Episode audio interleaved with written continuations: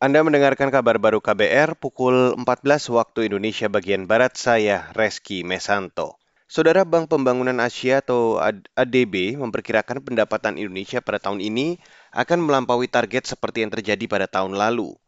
Ekonom senior ADB Henry Ma mengatakan target tahun lalu tercapai sebesar hampir 115 persen atau sebesar 2 kuadriliun rupiah. Pada tahun ini pendapatan negara ditargetkan sebesar lebih 1,8 kuadriliun rupiah. Penyebabnya kata dia, pemulihan ekonomi yang terus menguat.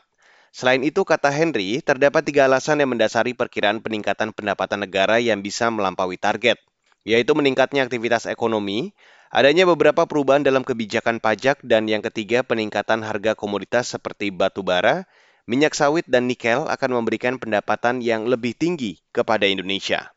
Beralih ke berita selanjutnya, Saudara, Presiden Joko Widodo memerintahkan para menteri secepatnya melaksanakan program terkait pemulihan ekonomi nasional.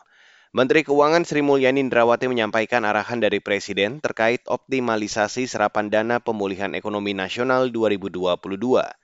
Kata dia saat ini ada 455 triliun rupiah dana PN yang belum terserap. Presiden juga minta supaya para menteri yang melakukan program-program untuk pemulihan ekonomi kita masih ada 455 triliun ya Bapak ya untuk program pemulihan ekonomi uh, di dalam rangka uh, eh, PCPN ini akan kemudian difokuskan kepada program-program seperti uh, labor intensif atau uh, program untuk uh, uh, meningkatkan uh, ketahanan dan penciptaan kesempatan kerja Menteri Sri Mulyani mengatakan tiga program khusus yang menjadi fokus dalam pemulihan ekonomi nasional yakni sektor kesehatan, perlindungan sosial, dan penguatan pemulihan ekonomi.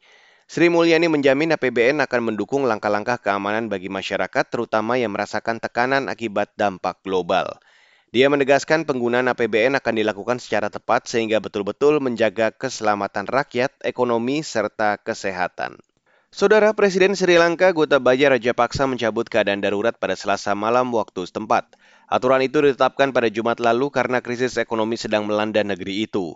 Keputusan membatalkan status keadaan darurat diambil setelah puluhan menteri mengundurkan diri. Kantor berita Reuters menulis, kemungkinan langkah pemerintah selanjutnya bisa berupa penunjukan Perdana Menteri baru atau mempercepat pemilihan parlemen sebelum pemungutan suara pada 2025. Aksi demonstrasi dan kerusuhan terjadi setelah krisis ekonomi melanda negeri itu. Krisis menyebabkan kekurangan makanan, obat-obatan, bahan bakar, serta pemadaman listrik. Dan saudara, demikian kabar baru saya Reski Mesanto.